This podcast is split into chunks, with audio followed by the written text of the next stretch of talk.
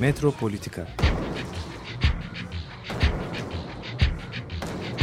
Kent ve kentlilik üzerine tartışmalar. Ben oraya gittiğim zaman balık balık balık balık tutabiliyordum mesela.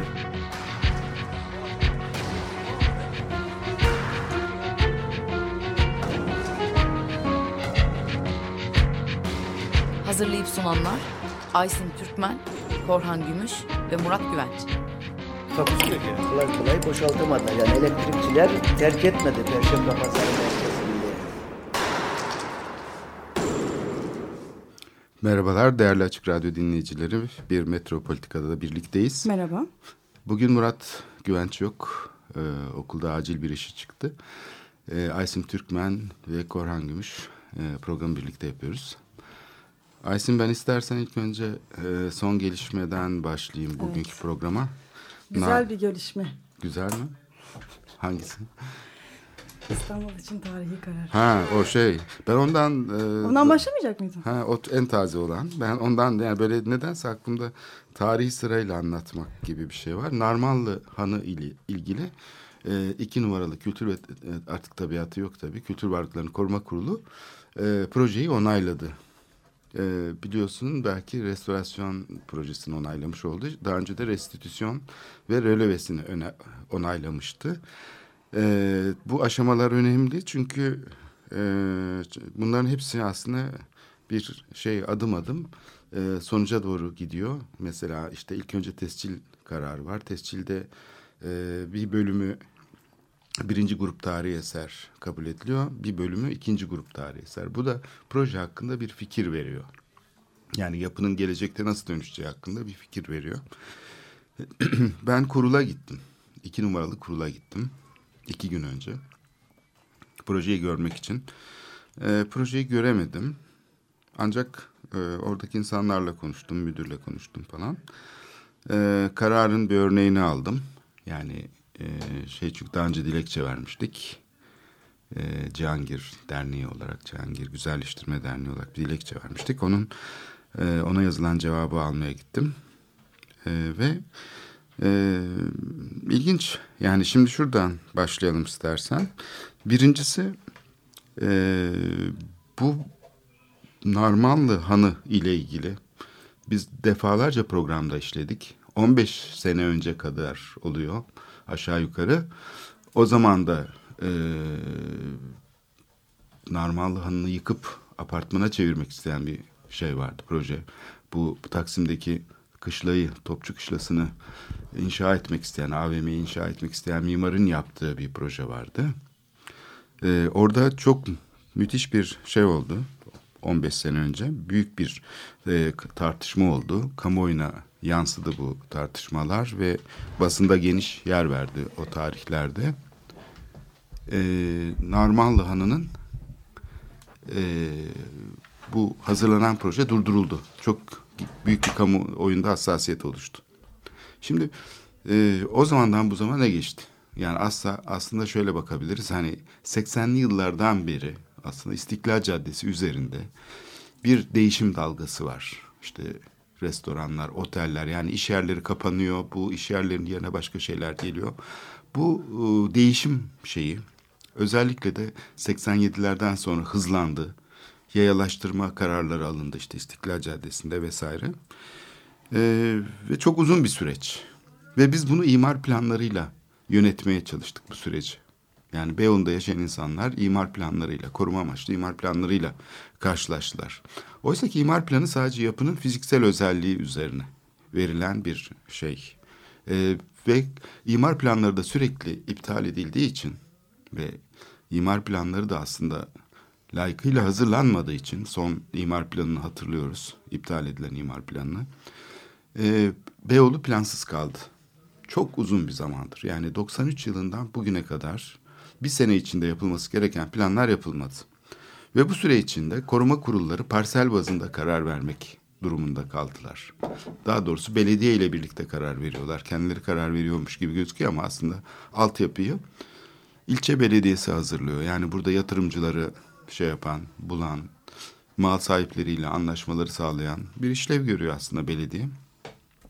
Ve bu piyasa odaklı dönüşüm içinde tek tek birçok yapı değişti. İşte ne bileyim bunun içinde otel olan var, otelken başka bir şey olan var, banka olan var falan böyle e, şeyler, yapıların içleri yıkıldı, kültür merkezi olan var. Şimdi burada büyük bir değişim yaşanırken aslında bir planın olmaması çok şaşırtıcı. Yani ortada bir plan ol- olmadan yönetiliyor bu kadar süreç. Bunu bilhassa yaptılar diye ben düşünüyorum. Çünkü böyle olunca tek tek parsel bazında e, e, normal imar planında olmayan bir takım şeylere izin verilebiliyor. Normal imar planında mesela imara kapalı bir yer olmasına rağmen Susam Bar'ın olduğu yer, Susam Sokak'taki geniş manzara terası. Buraya imar izni vermeye kalktı koruma kurulu. E, gene Cihangir Camisi'nin önüne iki tane gökdelen yapılmasına izin verdi. Bunlar hiç normal imar planında dahi olmayan e, şeyler. Dolayısıyla böyle e, çok fırsatçı yaklaşımlar oldu. Şimdi tabii Narmanlı'nın böyle bir e, şeyi var. Geçmişten gelen bir e, yükü var. Çünkü bir, burada bir mahkeme kararı var. Kazanılmış bir dava var. Dolayısıyla üstüne kat çıkmak, işte binanın üzerinde efendim mal sahipleri şey oluyormuş, zarara uğruyormuş. Onun için e, üzerine iki buçuk kat e, varmış, yedi kata çıkarılması normalmiş diye bir e, koruma kurulu kararı vardı karşımızda. Biz de dedik ki yani böyle bir karar olamaz. Çünkü koruma kurulunun görevi korumaktır. Mahkeme değildir ki eğer bir tazminat hakkı varsa koruma e, gerekçesiyle kurula başvurabilir, şey mahkemeye başvurabilir. O zaman İsve- İsveç konsolosluğu da karşısındaki mesela gelsin. Efendim benim bahçem burada çok büyük yeşil alan. Ben zarara uğruyorum. Burayı inşaata açalım. Ya da Fransız e, konsolosluğunun, başkonsolosluğunun olduğu binada e, Fransa şeyi gelsin mesela başkonsolos bey desin ki efendim biz zarara uğruyoruz. Bunun üstüne kat çıkmamız lazım. Çünkü bu bina bir katlı, bir buçuk katlı. Şimdi böyle şey olmaz yani koruma kurulunun böyle ayrı bir şeymiş gibi karar vermesi koruma konusuna zaten bir şehir şeyiyle o, e, ilişki kuramayacak bir yapı demek bu aslında bakılırsa. Şimdi Narmanlı e, kararında e, çok şey var tabii hassasiyet var bu konuda. E, fakat Narmanlı çok önemli bir gelişmeye yol açtı 15 sene önce. Aynı e, mimar Narmanlı'yı yıkıp apartman yapmak isteyen, altına da otopark yapmak isteyen, üç kat otopark yapmak istiyordu. E, mimar Emek Sineması için de aynı şeyi planlamıştı. Ve Emek Sineması'nın altına da 3-4 katlı bir otopark geliyordu. Yani bina yıkılıyordu. O dönem e, Narmanlı'daki ortaya çıkan bu büyük duyarlılık nedeniyle ve mahkemenin kazanılması nedeniyle emek sineması da yıkılamadı. Yani Narmanlı aslında emek sinemasını da kurtarmış oldu o dönem. Fakat ondan sonra tabii e, gene eski e, şekilde devam etti gelişmeler. E, projeyle başlıyoruz tartışmaya. Halbuki proje yani işin en son aşaması. Yani projenin arkasında bir takım kurumsal işleyişler var. Ee, bir takım oluşmuş e, stratejiler var. Değerler var. Yani proje karşımıza çıktığında aslında her şey bitmiş oluyor. Yani burasının bir kere piyasa odaklı bir dönüşüme tabi olması. Bir kültür mirası olarak tescilli bir yapıyı e, Beyoğlu'nun yapı tipi olarak eşi bulunmayan bir örneğini piyasa odaklı, piyasa koşullarına göre mimarın söylediğini tekrarlayalım. Dönüştürmek ve burayı restoran yapmak mesela. Zaten yani Beyoğlu ne kazanır ne kaybeder. Binlerce restoran yapılırsa. Yani sadece sahibi biraz hani ticari açıdan bir şey kazanıyor belki ama aslında Beyoğlu da kaybediyor bir bakıma. Yani belki de olabilecek çok daha iyi fikirler var. Narmanlı Hanı korunmuş olsa mesela çok iyi bir mesela bir ara Ruslar e, Rus Büyükelçisi kültür merkezi yapmak istiyordu İstanbul'da. Rusya ile ilişkiler güçlü olduğu için. Mesela ne bileyim yöneticiler sadece strateji açısından değil böyle taktik davranışlarla da gelişmeleri şey yapabilirler. Bir yandan da e, tam e, hani bütün sanat piyasasının gelişmiş olduğu yerin ortasında duran bir e, yapıdan bahsediyoruz. Yani düşünürsen e, bir yandan hani Galata, Karaköy, Tophane ekseninde oluşmuş olan da, daha geç oluşmuş olan daha öncesinde başlamış olan hani Beyoğlu'nun e, İstiklal Caddesi'nin hani arka kısmı diyeceğimiz hani Taksim'den e, Galatasaray'a olan bölge değil ondan sonraki bölgede oluşmuş olan o sanat soylulaşma hareketinin de tam ortasında olan bir binadan bahsediyoruz. Aslında hani sanatsal açıdan çok acayip bir coğrafyada durum oluşuyor. O Çok duruyor. önemli bir yeri var. Şimdi zaten İstiklal Caddesi'nin hani birinci yapısı diye bakılabilir. Hani orada çünkü daha önce yanındaki yapılar değişime uğramış fakat normalde öyle duruyor. Yanındaki İstanbul Bankası olan şimdi Ziraat Bankası zannedersem yapı değişmiş mesela oraya büyük bir e, şeyle yapılmış. Özgürlük içinde o binalar yapılmış. 80'li yıllarda yapılan binaların çoğu böyle. Ama bir de yani düşünürsen Salt, evet Beyoğlu çok yakın. Ee, orada Bursan, evet Arter. Hani hani gerçekten e, şu anda İstanbul'un en önemli e, hani özel sektör girişimiyle oluşturulmuş olan e, kültür sanat merkezlerinin komşusu. En yakın komşusu. Tam altı aşağı tarafta demin dediğim gibi Karaköy'e uzanan çok çok önemli olan bir sanat aksı oluştu orada. Evet benim aklıma yani şöyle bir şey geliyor. Tabii burası böyle kalması güzel. Yani içinde kediler işte orada çok ucuza çay içebiliyorduk içinde falan. Ee, yani güzel bir ortam. Yeşillikler içinde bir bahçe bir kere her şeyden önce. Yani bir yandan da işte yani şey düşünüyorum. Hani Salt Beyoğlu mesela açık artır açık falan ama ya mesela sanatçıların e, hem de böyle ne bileyim dünya piyasasına çıkmamış olan sanatçıların da burada olması için alternatif mekan olarak da düzenlenebilir. Yani e, madem burada bir sanat mekanı oluşmuş değil mi? Yani e, e, özel sektör girişimiyle oluşturulmuş olan çok önemli bir sanat mekanı var şu anda elimizde. Bunun ortasında da böyle bir e, hiçbir şu anda kullanıma kullanımda olmayan bir boş mekan var. Evet ben şeye Neler benzetiyorum. yapılabilir aslında yani? Yani hiç, e, şimdi böyle insanlar tabii e, şey olabilir yani böyle kalmasını arzulayabilir. Fakat bir değişiklik yapılacaksa da bunun yani değişiklik olabilir de. Ben değişikliğe karşı değilim yani birçok değişiklik yapılıyor birçok yapıda ve hoşumuza da gidiyor bazen. Yani yani o değişiklikte Evet. hani kapatılmadan ya da hani tüketime yönelik olmadan yani Evet. belirli İşte orada mesele brandler, logolar, şeyler üzerine yapıştırılmadan amaç çok önemli. Yani burada piyasa odaklı bir dönüşüm mü var? Yoksa kamu burada sahiden madem ki bu yapıyı birinci grup olarak tescil ediyorsun o zaman sahibini cezalandırmak değil bu yapının o şekilde gelişmesini sağlayacak baştan beri o kurumsal işleyişi gerçekleştirmek. Mesela benim bu Narmanlı şeye benzetiyorum. Venedik'teki La Dogane binasına. La Dogane yani gümrük binası tam böyle başlangıcında büyük kanalın e, böyle biraz da Narmanlı Hanı'na benzeyen bir yapı. Böyle yüksek e, şeyli tavanlı falan E, ve bir üçgen yapı. Hmm, onu mesela e, terk edilmiş depo olarak kullanılırken bir süre e, işte Venedik'in en önemli sanat mekanlarından biri haline geldi. François Pinot'u ya burası verildi. Yani koleksiyonunu Fransa'dan getirdi o da.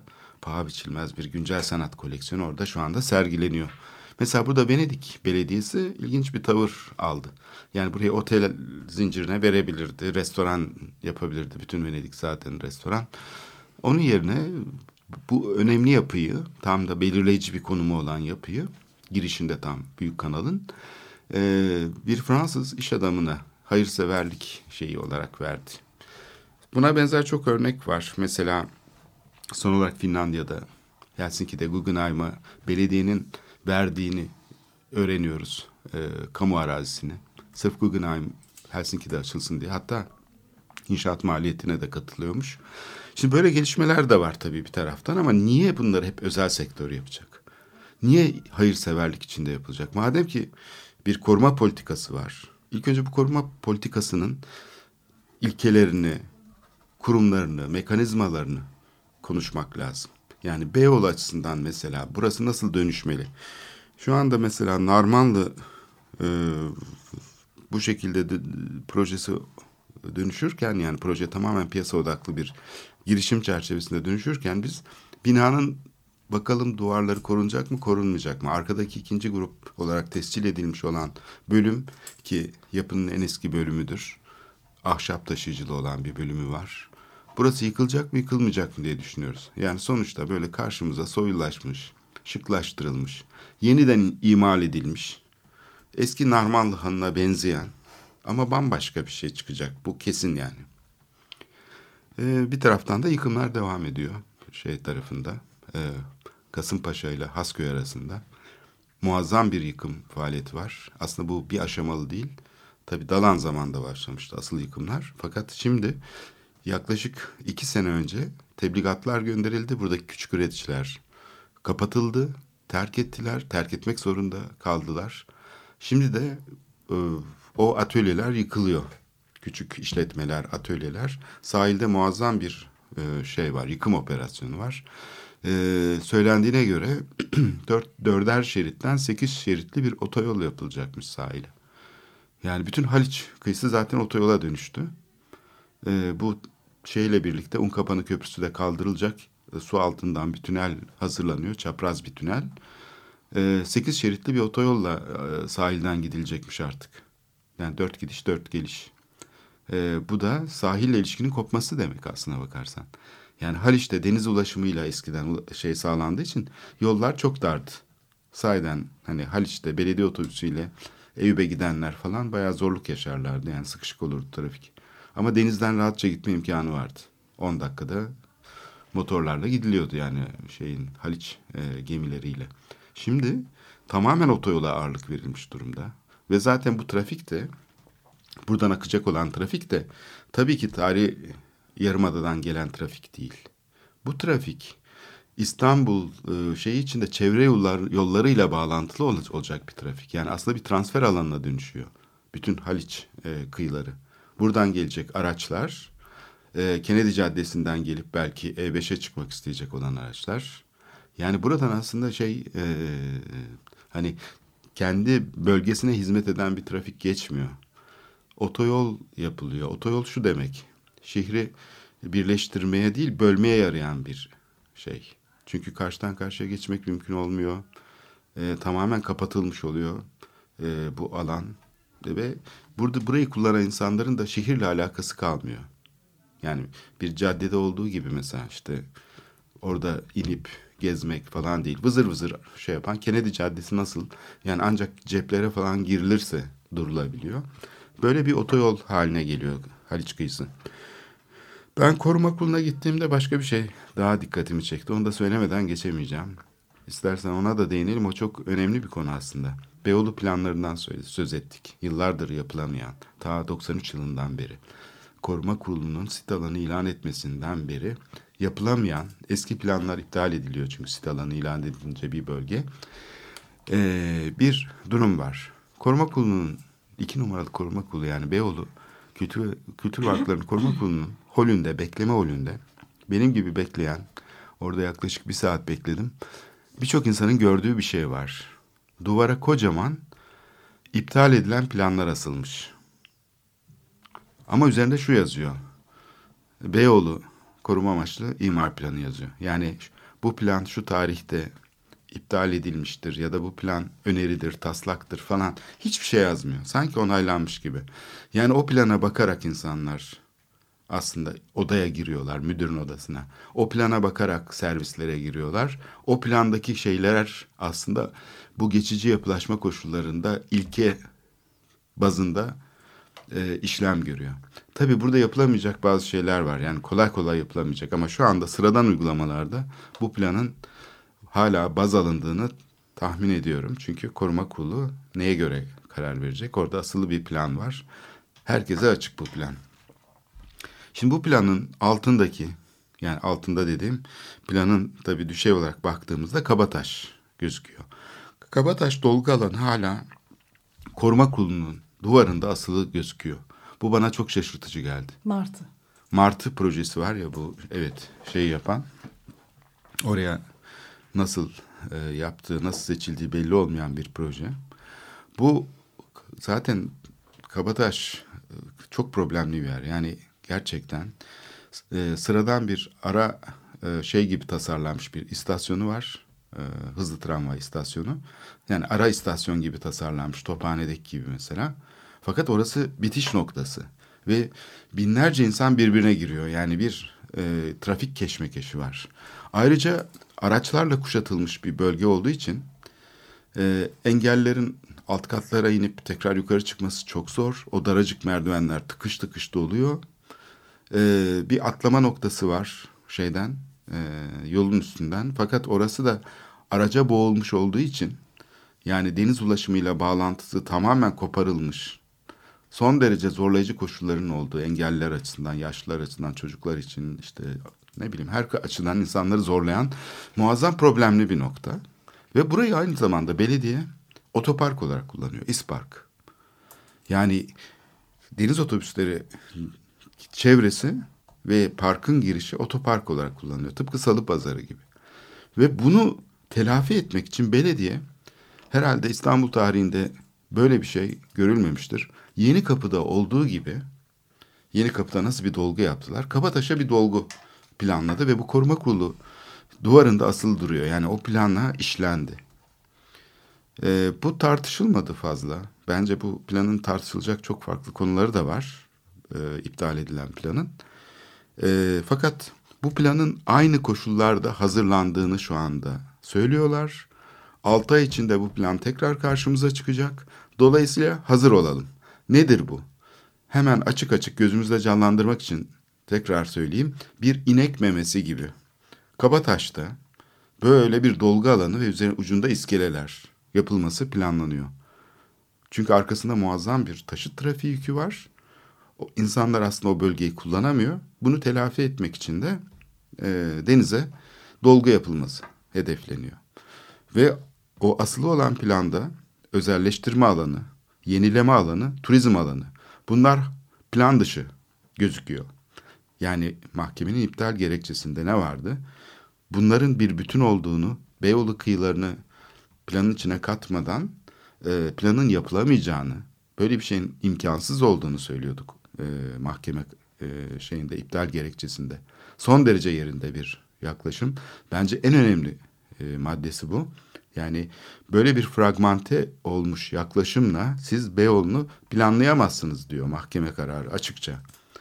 Buna rağmen hiçbir şekilde bir yönetim planı hazırlığı, farklı aktörleri, farklı öncelikleri yan yana getirebilecek ve tarafsız bir kurum tarafından, bağımsız bir kurum tarafından planın hazırlanmasını sağlayacak bir ilişki zemini yok. Bu kurulmadı. Dolayısıyla bir hayal olabilir bu mahkemenin iptal gerekçesinin bugün e, bir işe yarayacağını düşünmek ancak saf bir hayal olabilir. Çünkü eski tas eski hamam devam ediyor. Gene e, koruma kurulunun duvarında asılı olan varlığından kimsenin kuşku duymadığı planın içinde bütün o ihya çalışmaları tek tek şu anda yaptırılan e, yeşil alanlara e, şeylere işte bir zamanlar yıkılmış olan yapılar hatta Taksim Kışlası'nın ihya ihtimali yani onun şeyi çünkü altyapısı hazır orada asılı duruyor. Ee, onun dışında kat otoparkları yani Beyoğlu'nun dar sokaklarının içine yapılan okul bahçelerine yapılan kat otoparkları gene aynı şekilde duruyor. Yeşil alan miktarını arttırmak için yapı adalarının ortasındaki özel e, mülkiyete ait alanların park gibi gösterilmesi gene orada koruma kurulunun duvarında asılı duruyor. Yani ve bunun altında hiçbir açıklama yok. Bu plan henüz geçerli değildir. Bu plan şu anda uygulanmamaktadır. Bu plan mahkeme tarafından iptal edilmiş. Mahkeme kararına rağmen o plan orada asılı duruyor. Beni çok şaşırttı bu açıkçası. Yani zaten tek tek parsel bazında karar verdiğini biliyoruz koruma kurulunun. Daha önce bunu e, buna karşı çıkılmıştı ve engellenmişti. Plan olmadan tek tek parsel bazında karar verilemez diye. Ve bu kabul edilmişti. Durmuştu Beyoğlu'ndaki bu tip parsel bazındaki kararlar. Ama şimdi plan daha büyük bir tehlike olarak tepemizde sallanıyor açıkçası. Altı ay sonra bu plan tekrar karşımıza çıkarsa hiç şaşırmayalım. Aslında bitmeyen bir hikaye gördüğün gibi yani Narmanlı hikayesi benim için 15 senedir koruma kuruluna git mahkemeye başvur dilekçe ver işte yok idare mahkemesine git Danıştay'a kadar git bilmem ne. Beyoğlu'nda sürekli bitmeyen bir şeyle uğraşıp e, duruyoruz. E, bu planda Yapılamayan tekrar. planla evet, beraber. Planla birlikte. E, karşımıza bu tekrar e, çıkacak zaten e, gidişte o yönde. İstersen bir e, müzik arası vererek e, tarihi yarımadaya geçelim. Peki. The Loving Spoonful'dan dinliyoruz. Summer in the City.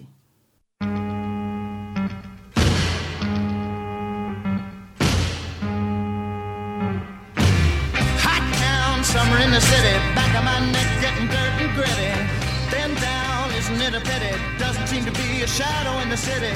All around, people looking half dead, walking on the sidewalk harder than a match Yeah. But at night it's a different world. Go out and find a girl. Come on, come on and dance all night. Despite the heat, it'll be alright. And babe, don't you know it's a pity the days can't be like the nights in the summer, in the city, in the summer, in the city. Cool town, even in the city, dressed so fine and looking so pretty. Cool cat, looking for a kitty, gonna look in every corner of the city. Till I'm wheezing like a bus stop, running up the stairs, gonna meet you on the rooftop.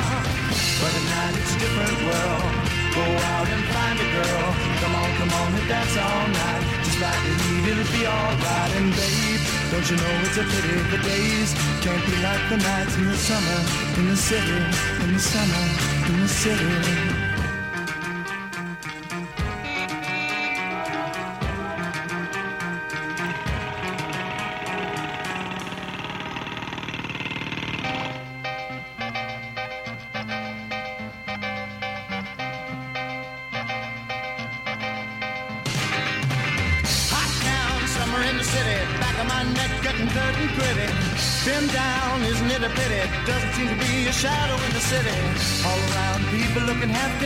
On the sidewalk harder than a match head.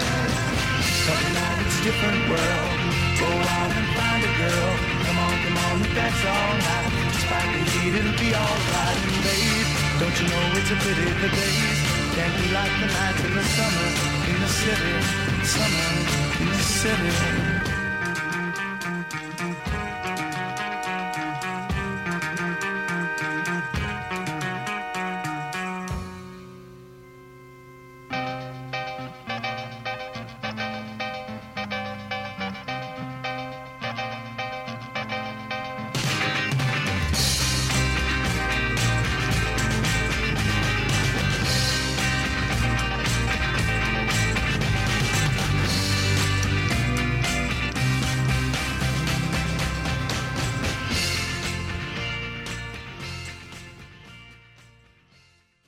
Evet, The Loving Spoonful'dan dinledik Summer in the City.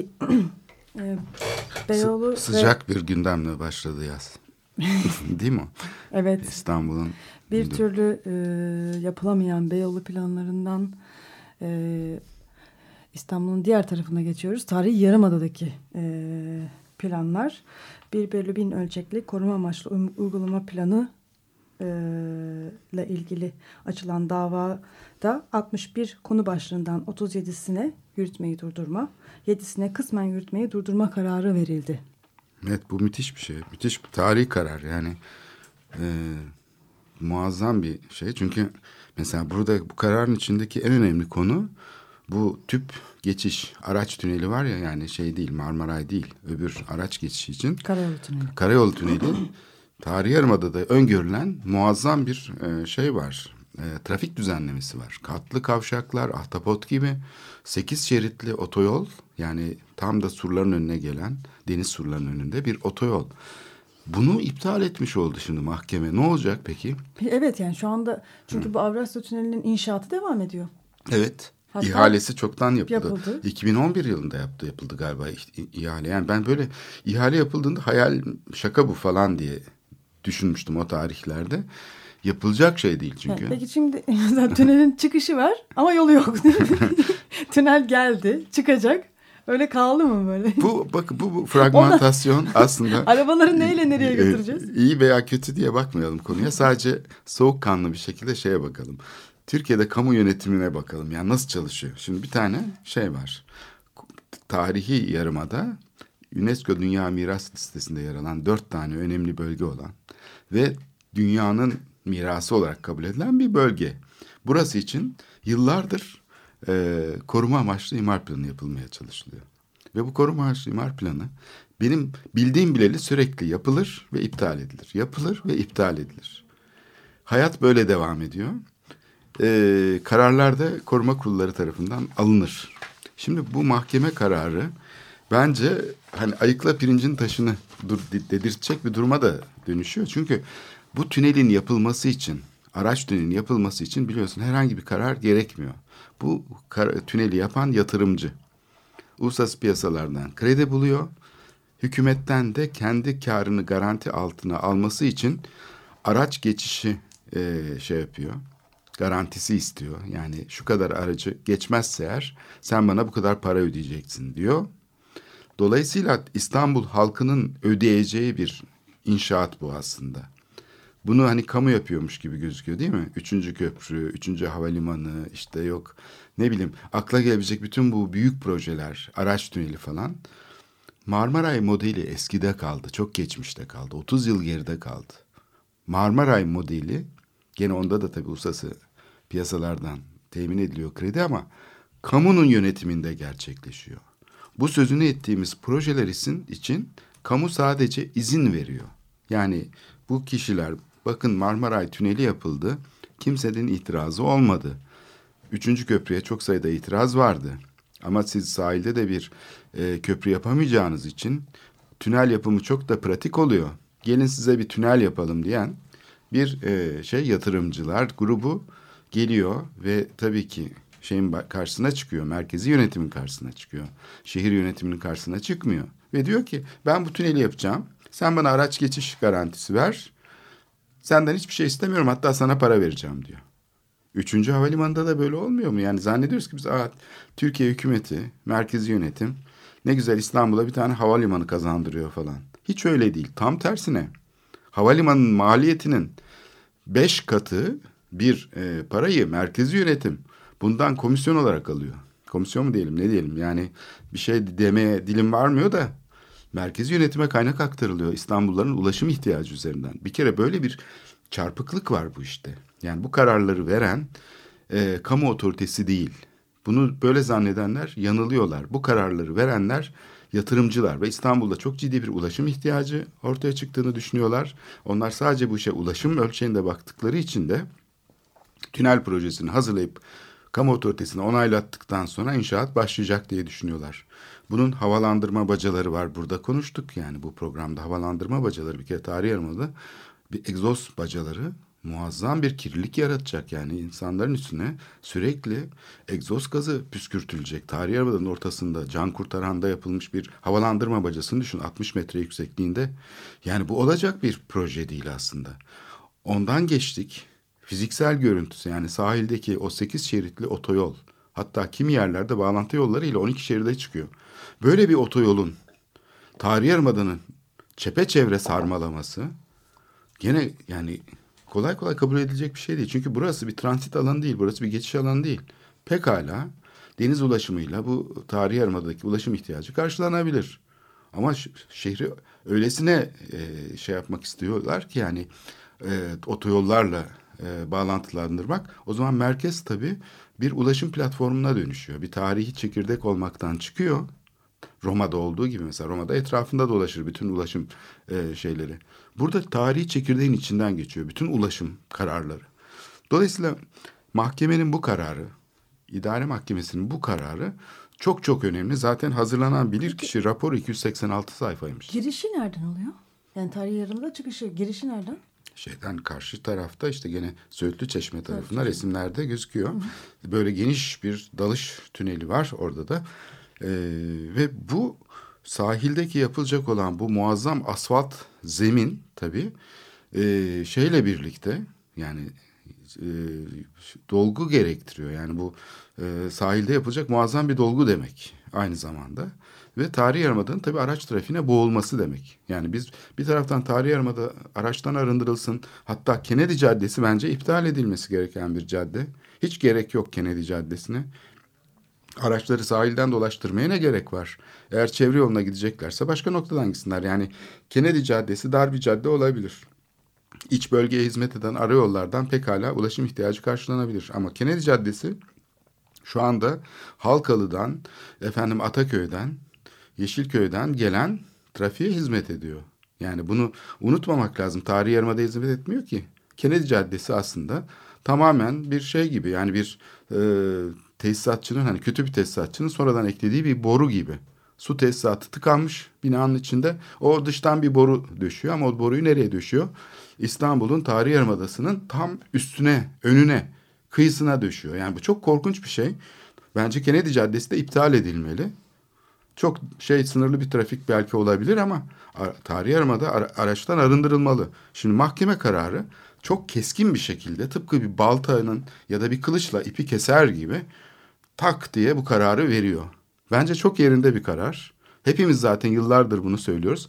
Peki merkezi yönetim ne yapıyor? Şimdi gelelim buraya. Bence işin asıl acıklı ve şey tarafı, trajik tarafı bu. Merkezi yönetim ise bir taraftan garantiler vererek eğer bu proje olmazsa ben size tazminat olarak bu parayı ödeyeceğim diyen bir merkezi yönetim yani anlaşma herhangi bir şekilde şeye uğrarsa, askıya alınırsa bir takım e, mahkeme kararları vesaire nedeniyle ben size bu parayı ödeyeceğim diyor merkezi yönetim. Böyle birbiriyle çelişen bir kamu olabilir mi? Yani düşün bir ayağı bir tarafa doğru gitmeye çalışan bir ayağı öbür tarafa doğru gitmeye çalışan bir kamu. Birbiriyle tam bir e, çelişki içinde. Bence bu kamu modelini bir e, sorgulamak lazım. Yani kentselleştirilmemiş bir kamu modeli bu. Merkezi yönetimin ayrışmış, seksiyonlara ayrışmış şeylerle oluşan, şiddet üreten yani hepsini teknik bir despotluk e, şeklinde cereyan eden kararlar. Koruma kararları da aslında öyle. Yani bunlar da ilişkisel bir şekilde yani şehrin mantığı çünkü çok farklı çalışıyor. Şehri gördüğümüz zaman hemen bunu anlıyoruz. İnsanların nasıl bir hayat içinde olduğunu, ticaretle işte üretim arasındaki ilişkiler, e, buranın kullanıcılarıyla ilişkiler bunlar böyle basitçe e, teknokratik işlevler değil. Yani şehir ağ şeklinde örgütlenmiş çok farklı etkileşimli mekanizmalarla çalışan şehir hayatı böyle bir şey. Yani bunu bu şekilde ulaşım diye ya da kültürel miras diye ayrı şeylerden bakmak bu şehre sahiden son derece çelişkili ve koruma kurulunun bu şeyin e, koruma kurulu diyorum idare mahkemesinin bu kararını çok yerinde bulmakla birlikte İşinin olacak. iflas etmiş bir kamu modeli olduğunu söylüyoruz. Yani sen şey örnek veriyorsun hep Sulukule'de iş işten geçti. Oraya villalar inşa edildi. insanlar oradan sürüldü. Sonra proje iptal edildi. Plan ve proje iptal oldu. Ne oldu? Yani yazık değil mi? Olan oldu bir kere. Gelenlere bile yazık oldu. Ha gelenlere de yazık oldu. Yani herkese yazık oldu. İstanbul'a yazık oldu. insana yazık oldu Evet, ki. evet. Hani zaten e, orada yaşayan Roman vatandaşlar ve e, İstanbul'la ilgili önemli bir direniş hareketine olan e, hakikaten daha da tam tartışmadığımız aslında belki oturup hakikaten hep beraber oturup tartışmamız gereken bir konu. E, ondan sonra olan bütün bu iptal edilmiş olan kararların nere, nereyimize koyacağız hakikaten?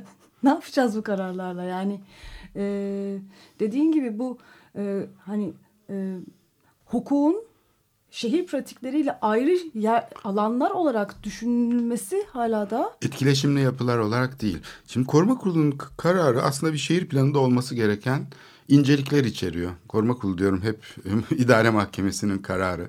Hep yani bir planlama çalışmasında dikkate alınması gereken unsurlar. Mesela bu bir transit geçişi çok iyi ifade eden e, şeyler var. Tabii henüz daha e, bilirkişi raporunu görmedik. Fakat karara yansıyan, bilirkişi raporundan karara yansıyan metin bölümlerinde tarihi yarımadaki trafik akışının tamamen hızlandırılmak üzere kurulduğunu, yani buradan transit geçişin hedeflendiğini çok iyi teşhis etmiş. Kim hazırladıysa bu bilirkişiler yani 9 Eylül Üniversitesi'nden 3 öğretim üyesi deniyor. Gerçekten durumu çok iyi ifade etmişler. Bu çok belli. Fakat bir taraftan da yani bu esasları dikkate alan mahkemenin esas üzerinden verdiği bu kararı şey yaparken öbür taraftan da usul olarak da yönetimin bu şekilde e, bir ulaşım projesine girişmesini bence bir şey yapmak lazım. E peki bunun bedelini kim ödeyecek? Bu tünel niye yapılıyor? Niye şeyin zararı yani buradaki kamu yararı kavramı nasıl oluştu? Bu kararın kamusal niteliği nasıl şey yapıldı? Bir takım yatırımcılarla karar veren kamunun düştüğü sefalettir bu aslında. Yani karşımıza çıkan sorun tam da bu. Yani yatırımcılar bir tamamen yandan- kar amaçlı bakıyor. e, yani kamuoyu hani çok genel anlamda kullandığın zaman büyük bir sefalet ve korkunç bir durum. Ama yöneticiler anlamında kullandığın zaman kamuyu çok işlerine gelen bir durum. E tabii ki yani hiç Yani, umurunda bile değil. Çünkü Ee, onun. tabii yani istediğin kadar mahkeme kararı olsun. Ben zaten işimi yapıyorum. Hani düşün yani program başından beri aslında aynı şey aynı şeyi İşte. anlatıyoruz. Yani mi? hani iptal edilmiş bir e, plana planı hala askıda tutuyor. indirmiyor. İndirmiyor. İşte. Mahkeme kararı o zaman ne işe yarıyor? Hani ne oluyor? Hani zaten e zaten biz bir yere kadar geldik. Bunu burada bırakacak mıyız deyip devam ediyor. Yani bir de başka üstelik yerden siz engellemeye alarak. çalışıyorsunuz diyor. Yani gelişmeyi. Çünkü şehir değişen gelişen bir şey. Siz bir de gelişmeyi engellemeye çalışıyorsunuz diyor.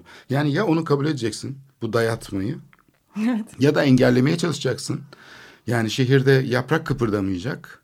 Ya böyle kamu olur mu Allah aşkına? Böyle bir kamu modeli çalışabilir mi? Yani e, bundan hiç umurlarında bile değil. Yani böyle bir siyasi model yıllardır e, uygulanıyor. Devlet yani böyle şey gibi e, tamamen paramparça olmuş. Tuz buz olmuş bir şey gibi. Çünkü çok katı olduğu için katı olan şey çatlar bilirsin. Bu kararları hiçbir zaman katılımcı bir şekilde ele almadığı için, hiçbir zaman etkileşimli olarak şehir hayatına temas etmediği için kamu tepede oturmuş İstanbul halkının nasıl mutlu olacağına kendi kendine karar vermeye yetkili zannediyor kendini. O yüzden de inanılmaz bir fragmentasyon, paramparça oluyor yani şey e, bizim hayatımız ve hiç umurlarında bile değil. Çünkü onlar bu işten nemalanıyorlar. Yani bir hata bile yapılsa e, biz o restorasyonu sonra yeniden yaparız canım. Kötü bir restorasyon mu yapmışız? Aa çok özür dileriz. Biz onu yeniden yapalım. Siz itiraz edin biz yeniden yapalım falan diyor. Yani kamunun şeyi bu. Pişkin pişkin bu işe bu şekilde yaklaşıyor. Şimdi şeyin e, bu tarihi yarımada için tabii ben yani sözünü ettim yani 30 senedir falan neredeyse planlarla uğraşılıyor. Tabii belki daha uzun bir geçmiş de var da ben öğrenciliğimden beri yani hep tarihi yarımada ile ilgili bir planlar hazırlanıyor. Ee, ne zaman ki biz hani 90'lı yıllardan itibaren bu sivil toplum hareketleri hatta 80'li yıllardan 87'lerden itibaren ciddi bir sivil toplum hareketi oldu bu şehirde. O zaman izlemeye başladık ve belki 100 tane toplantıya katılmışımdır. En az 100 toplantıya ve buna karşılıkta hiçbir şey değişmiyor. Yani işin ilginç olan tarafı şu. Kimi zaman hani belediyelerin böyle açık kapı bıraktıkları zamanlar oldu. Planlar iptal edildikten sonra.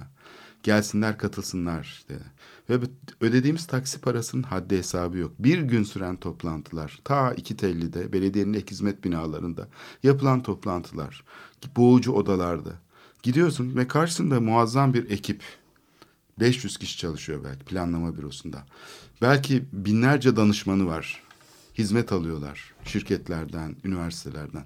Bunların hepsi e, resmi araçlarla toplantılara geliyorlar. Bunlar maaş alıyorlar, öğlen yemeklerine gidiyorlar bilmem. Biz zavallı gönüllüler toplantıları izlemek için helak oluyoruz. Adeta bir de yani böyle intikam alır gibi e, madem katılmak istiyorsun al cezanı gibi seni böyle zor koşullara iten bir şeyler içinde bu süreci izliyorsun ve hiçbir şey yapamıyorsun. Çünkü o katı bürokrasi öyle bir şey oluşturuyor ki direnç öyle bir kendinden emin olma halinde ki ya bu da bir şiddet biçimi. Yani Kesinlikle. nesneleştiriyor. Yani bu basitçe bir uzmanlık değil. Şimdi e, seni işte program başından beri dinliyorum ve e, e, bir, bir dönemdir de işte bir e, şehirle ilgili bir e, literatür takip ediyorum ve bütün anlattığın ter- e, hani de, şey yani 15 yıllık Beyoğlu ve Tarihi Yarımada'dan bahsediyorsun. Belki 25 yıllık. Hani böyle bir süreçten bahsediyorsun. Neoliberalleşen kentin aslında yaşadığı bir yönetim biçiminden bahsediyorsun ve bir aksaklıktan da bahsediyorsun ama yani mesela biz bunu e, yani bütün e, hani e, hani bu programda olsun e, İstanbul'da olsun e, Türkiye'de olsun yerel bir problem olarak koyuyoruz hep. Yani bu yeni okuduğum literatürde e, yepyeni bir bakış açısı görmeye e, başladım. E, bu e, Ayva Ong ve e, Ananya Roy'un e, Worlding Cities, Dünyalaşan Şehirler, e, dü- Dünyalaştırılmış Şehirler e, kitabında e, oluşturmuş oldukları yeni bir paradigma, yeni bir bakış açısı, yeni bir şehir metodolojisi başlıyor. Bu e, Jennifer Robinson diye de bir e, coğrafyacı var. O da e, bu konuda. Bu subaltern ve e, e, postcolonial yani sömürge sonrası çalışmalar, şehir çalışmaları diye adlandırılıyor. Ve buradaki bakış açısı e, iki temele dayanıyor. E, bunlardan bir tanesi yani worlding diyor mesela global demiyor küresel şehir demiyor. E, bildiğim yani 1980'lerden itibaren başlamış özellikle 90'larda çok e, öne çıkmış olan bu küresel şehir ve hepimizin de bir şekilde benimsediği en soldaki entelektüellerin bile tam olarak karşı çıkmadığı bu global şehir kavramının nasıl neoliberal ekonomiyle paralel aslında yürüdüğünü, bir sürü neoliberal uygulamalara ne kadar hoş bir şekilde zemin açıp meşruiyet yarattığını sorguluyor. Evet Yani bu burayı bir sermaye şey akışlarına bakmak yeter zaten. Evet. Yani şimdi İstanbul ulaşım projeleri için küresel piyasalardan Kesinlikle. kredi sağlamaya çalışıyor. Bu, bu, bu bir tarafı ve çok önemli bir tarafı. Bunu e, gelecek programda biz işleyeceğiz. Yıldırım Şentürk geliyor. Onunla beraber konuşacağız. Bir, bir bölüm daha var ki hani e, biz hani yerel olarak konuşuyoruz ya bunları. Bu İstanbul gibi bir şehirden bahsediyoruz. E, İstanbul'un hani bir, bir bu bahsettiğin kamusal yönetim biçimi olarak bu çok önemli bir deneyim. Bir de mesela çok önemli gece kondu deneyimi var. Bu gece kondu deneyimi yani 20 senelik çok ön, özel bir e, gelişme göstermiş olan bu deneyimi biz aslında çok periferi olarak koyuyoruz. Yani bir olması gereken genel geçer şehir durumları var, şehir deneyimleri var, şehir teorileri var ve bizim yaşadıklarımız hep bunun kenarında, bunun köşesinde çok özel. Demin ben hatta Sanki ki İstanbul'da yaşıyor oluyor her şey. girmiş. Evet. Evet. yani İstanbul'un özel. Evet. Yani çok spesifik, bize ait ya da Evet. işte Mum, Bombay'ın Bombay'da olan şeyler tamamen oraya ait ve bil, genel geçen teorilerin dışında farklı, tam onların içine giremeyen, kenarda köşede kalmış deneyimler olarak konumlandırılmasına karşı olarak yani bu- bunu dekonstrakt ederek, bunu e, yapı çözüme uğra- uğratarak yani bu kuzey şehirlerinin deneyimlerinin birinci deneyim olarak e, kabul edilip Algılandı. algılanmasını da tekrardan Hukuk bir sistemleriyle, metodoloji. planlama Evet. yöntemleriyle vesaire değil mi? Evet. Kaldı ki orada da De- de- sorgulanıyor. özellikle tarihi deneyimleriyle yani Evet. bu, bu, bu onların tarihselliği sadece tarihsellik olarak geçiyor. Halbuki mesela tam da kolonyal şehirlere baktığımızda yani Paris yapılırken aynı zamanda Rabat'ta bir sürü değişiklik uygulanıyor, deneniyor ve yapılmaya çalışılıyor. Yani bunu eş zamanlı olarak zaten tarihsel olarak bakmak ve şimdi özellikle yani dünyanın en büyük şehirlerinden bahsediyoruz. Mexico City, işte Mumbai, e, Bombay, e, işte İstanbul gibi ve böyle bu kadar önemli şehirlerin deneyimlerini biz hani ikinci hani çok da hani Mark Davis'in e, bu e, gece, Gece kondu kondu gezegeni, gezegeninde de evet. aynı yaklaşım var mesela. Ananyo Roy bunu çok ciddi bir şekilde eleştiriyor. Neredeyse diyor gece kondulaşmayı karikatürize ediyor diyor. Yani bu, bu çok önemli bir e, e, aslında eleştiri.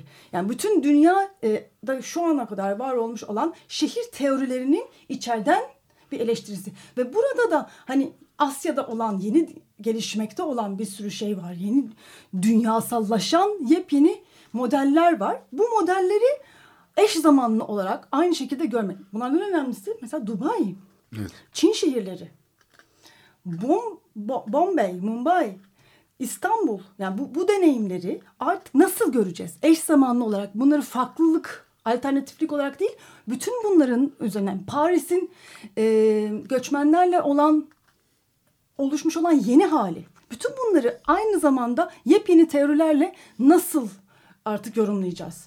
Ee, çok önemli bir e, yaklaşım olduğunu düşünüyorum ve bizler için de aslında hani kendi deneyimlerimizi görmek açısından da bütün bu anlattığım mesela kamu yönetimiyle ilgili şeyi kendi aramızda tartışmanın dışında hani bu tarz e, yönetim biçimleri Çin'de nasıl oluyor? İşte Rusya'da nasıl oluyor? Paris'te nasıl oluyor? Hani bütün bunları bu eş zamanlılık içinde yani world think yapar, dünyasallaştırarak bakmak üzerinden hani e, düşünmeye çalışıyorum. E, bunu, buna biraz başlayacağız hani e, gelecek hafta işte bu dünya şehri teorisini düşünerek zaten hani onun dünya şehri kategorisini, konseptini irdeleyerek başlayacağız ve e, hani bu e, sadece e, karşılaştırmak da değil ama artık yepyeni teoriler üretmek. Yani burada yer olarak kalmamak artık. Evet. Asyalı olarak kalmamak, Avrupalı olarak da kalmamak. Evet. Avrupalı olmalı, olmayı da artık e, hani e, bir e, belirli bir deneyim olarak sadece koymak. Evet. Bunların çok önemli bir açılım getireceğini Evet. inanıyorum. Şimdi tabii buradaki şeyin yani mesela bu şeye deneyime karşı çıkarken de yani bunu değiştirmeyi hedefleyen muhalefet açısından da çıkarılacak çok ders var. Yani bunu teknokratik bir despotizmle karşı çıkmak bu popülist ve şey sermaye ile örtüşen iktidar biçimlerini mümkün değil. Programın sonuna geldik. Değerli destekçimiz Ayfer Özdeş'e de teşekkür edelim bu arada. E, haftaya görüşmek üzere. İyi haftalar Hoşçakalın. dileriz.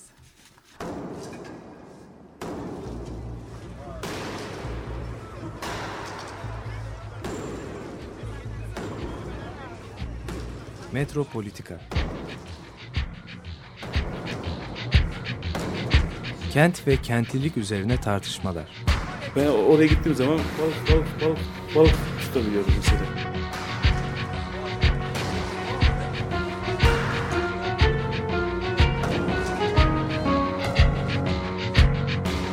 Hazırlayıp sunanlar Aysin Türkmen, Korhan Gümüş ve Murat Güvenç. Takusu yok yani. Kolay kolay boşaltamadılar. Yani elektrikçiler terk etmedi Perşembe Pazarı merkezini. Açık Radyo program destekçisi olun. Bir veya daha fazla programa destek olmak için 212 alan koduyla 343 41 41.